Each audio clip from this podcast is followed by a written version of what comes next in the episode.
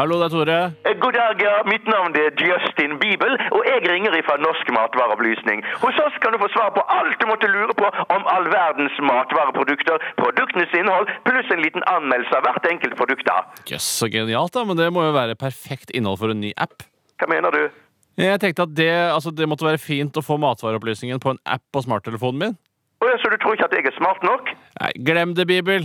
Ja, Det må jo være lov å spørre. Så, altså, så matvareopplysningen er bare helt vanlig opplysningstelefon som jeg kan ringe hvis jeg gidder, hvis det er noe jeg lurer på om mat. Å nei, nei, nei, nei, nei, nei, ikke ring oss. Vi ringer deg. Ringer dere meg? Men hvis jeg ikke lurer på noe, da? Du bare samler opp spørsmålene dine på et lite ark, og så ringer jeg en gang i uken. Og har du ingen spørsmål, ja, så takker jo jeg for meg og legger på.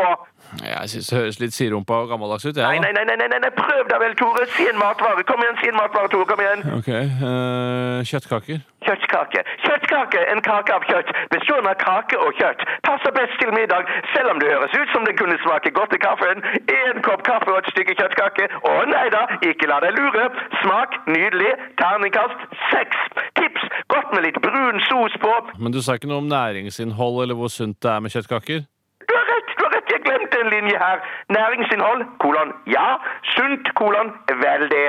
Du, hvis jeg sier kjøttdeig, sier du at den består av kjøtt og deig da? Skal vi se, kjøtt, kjøtt, kjøtt, kjøttdeig. En deig av kjøtt. Som all annen deig bør den stekes. Smak nydelig. Terningkast seks. Næringsinnhold? Ja. Passer godt til spagetti, spagettini, pasta, penne, sånne pastaskruer, pastarør, makaroni, tagliatelle osv. osv.